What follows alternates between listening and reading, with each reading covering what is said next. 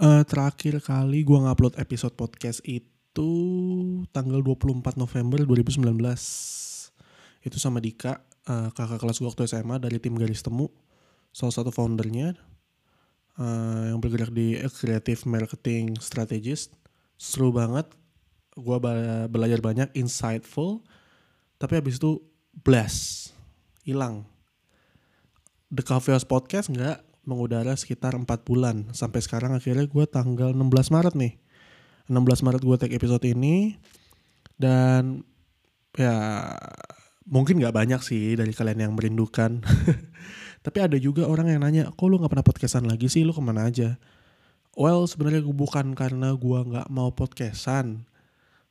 Gue gue pernah bilang di episode-episode awal podcast gue tuh kalau gue bikin podcast karena gue ingin uh, apa ya menghilangkan kejenuhan sih karena terlalu banyak bekerja untuk orang lain. Jadi gue pengen bekerja, bikin sesuatu untuk diri gue sendiri.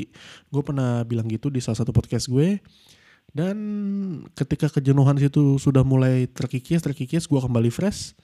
Ya mungkin gue akhirnya semacam nggak punya tujuan lagi buat bikin podcast waktu itu. Tapi uh, akhirnya gue mulai sadar ternyata meskipun belum banyak, ada juga orang yang seneng gitu dengan podcast gue. Jadi gue bersyukur aja sih buat eh, orang-orang itu dan berkat mereka akhirnya gue kembali uh, comeback ya bikin podcast.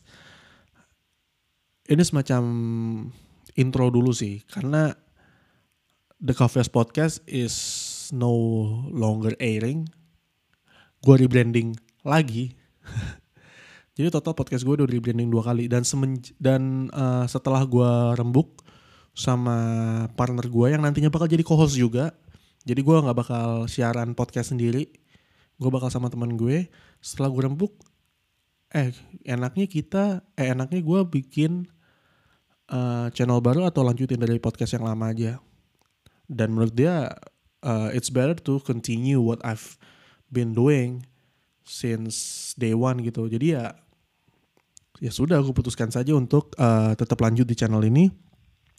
Dan gue rebranding lagi bukan POV bukan TCHP tapi Bilik kenapa gue nggak lanjut dengan TCHP karena The Coffee Podcast menurut gue ya panjang banget sih judulnya. Simple as that. Dan gue pengen punya sesuatu yang lebih simple dan insightful dan hmm, nggak nggak bertele-tele gitu loh makna di dalamnya. Jadi gue meng-create bilik ini nanti sebagai uh, ya tunggu aja lah, belum semuanya harus gue keluarkan sekarang. Pokoknya uh, buat yang nunggu-nungguin, thank you banget atas support kalian. Akhirnya gue kembali mengudara dan ya nanti gue bakal juga ngenalin co-host gue yang baru di episode berikutnya mungkin hari ini gue kayak uh, pengumuman dulu kalau podcast gue udah comeback. Jadi ya stay tune lah along the way gue juga bakal makin ngasih tahu kalian apa yang bakal gue lakuin dengan bilik ini.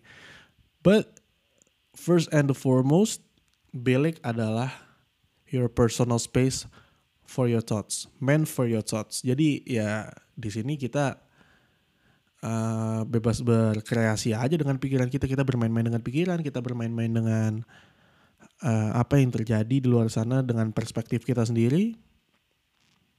Jadi ya stay tune aja. Peace.